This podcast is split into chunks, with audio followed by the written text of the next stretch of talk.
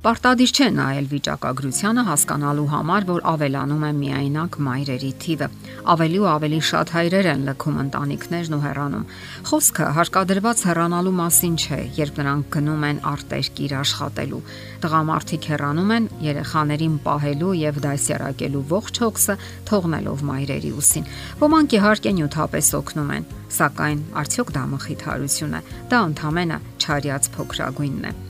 Գոյություն ունեն տարատեսակ ընտանիքներ։ Ընթոնված է համարել, որ լիարժեք ընտանիքը կազմված է տղամարդուց եւ կնոջից, ինչպես նաեւ երեխաներից։ Սակայն ժամանակակից աշխարհում բոլորովին էլ բացառություն չեն միայնակ մայրերը կամ միայնակ հայրերը։ Միլիոնավոր մայրեր են այսօր մեծացնում երեխաներին առանց կողակցի, եւ այս դեպքում շատ հարցեր են ծագում, որոնք կարող էին չլինել լիարժեք ընտանիքների դեպքում Միայնակ մայրերը հաճախ ժամանակ եւ կենսական ուժ չեն ունենում զբաղվելու իրենց անձնական կյանքով։ Հարց է առաջանում. իսկ ինչպես կարելի է պահպանել ճիշտ հավասարակշռությունը միայնակ մոր եւ տղամարդու սիրո կարիքն ունեցող կնոջ միջև։ Նրանք պարզապես մասերի են բաժանվում աշխատանքային ու տնային պարտականությունների միջև եւ դժվարությամբ են ժամանակ գտնում անձնական կյանքը դասավորելու համար։ Միայնակ մայրերը հաճախ դառնում են իրավիճակի պատանդները։ Երեխաների հետ կապված հոգսեր, կարիերա, նախկին ամուսնու հետ հարաբերությունների parzabanumներ, տնային պարտականություններ եւ այլն։ Հասարակության մեջ այնպիսի տպավորություն է, որ նման կանայք չեն կարող այլ բանի մասին մտածել, չեն կարող իրենց անձնական կյանքը դասավորել, նորից ամուսնանալ։ Գաղտնիք չէ, որ բաժանված կանանցից սովորաբար մի կողմ են քաշվում, նաեւ զգուշանում հատկապես եթե նրանք երեխաներ ունեն։ Իսկ ինչ հեղինակավոր աղբյուրներ կան այդ հարցը parzabanելու համար։ Աստվածաշունչը ամենից առաջ միանշանակ դատապարտում է ամուսնալուծությունը։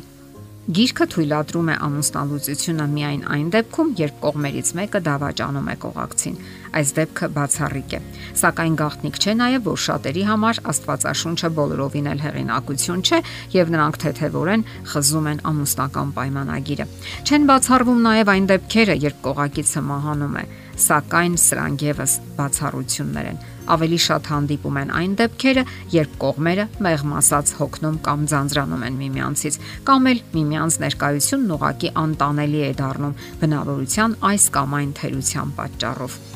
Միայնակ մայրերը ամենից առաջ պետք է սահմանեն իրենց կյանքի նախապատվությունները, իրենց կենսական արժեքներն ու ապագա ծրագրերը։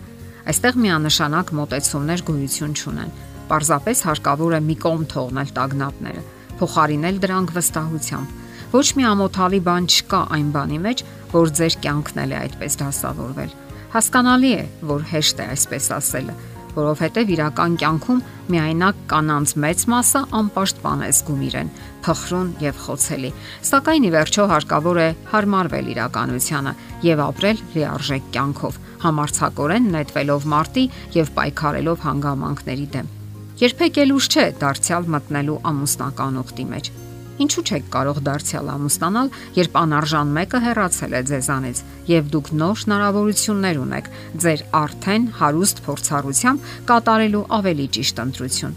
Առավել եւս ունեք դրա հնարավորությունն այն դեպքում, երբ ձեր սիրելին ավելի վաղ է հրաժեշտ տվել կյանքին։ Վերստին ամուսնանալու դրթապաճառներից մեկն էլ սեռական կյանքի բացակայությունն է։ Այն ունի իր կարևոր դերն ու նշանակությունը մարդու կյանքում եւ սխալ է անկանոն կապեր եւ հարաբերություններ ունենալը։ Հարկավոր է պարզապես նոր ուխտ կապել։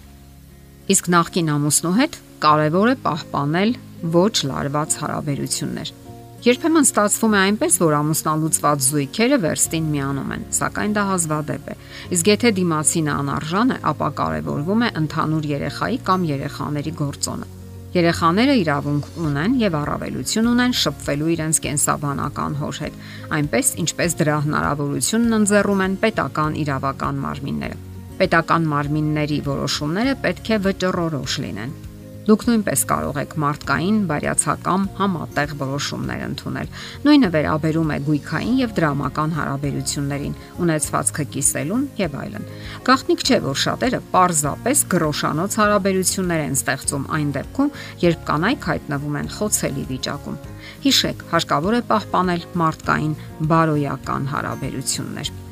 Ինչպես նշեցինք, հասարակությունն այնքան էլ բարյացակամ չէ տրամադրված միայնակ մայրերի հանդեպ Ասենք նաև, որ դա արդարացված չէ։ Գոյություն ունեն այսպիսի արտահայտություններ՝ բաժանված, տարած հետ բերած, հետ եկած եւ այլն։ Իսկ այն դեպքերում, երբ երեխան ծնվել է արտահամուսնական կապից եւ մայրը միայնակ է, հասարակական դիրքորոշումը պարզապես դաժան է ու անխնա։